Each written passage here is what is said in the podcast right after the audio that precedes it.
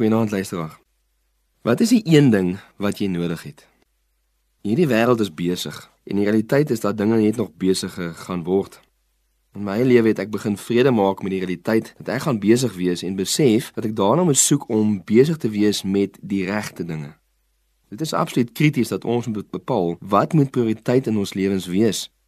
En dan moet ons ons lewens inrig om besig te wees met hierdie dinge wat ons besef die belangrikste is wat prioriteit moet wees.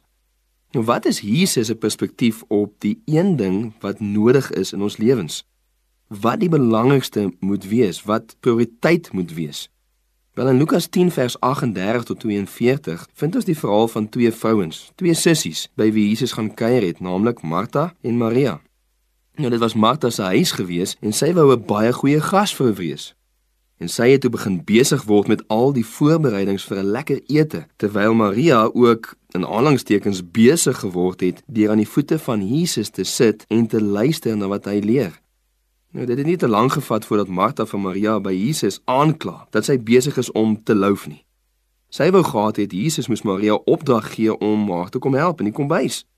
Hoor dan Jesus se antwoord in Lukas 10 vers 41 en 42. Maar Jesus antwoord en sê vir haar: Martha, Martha, jy is besorg en verontrus oor baie dinge, maar een ding is nodig. En Maria het die goeie deel uitgekies wat van haar nie weggeneem sal word nie.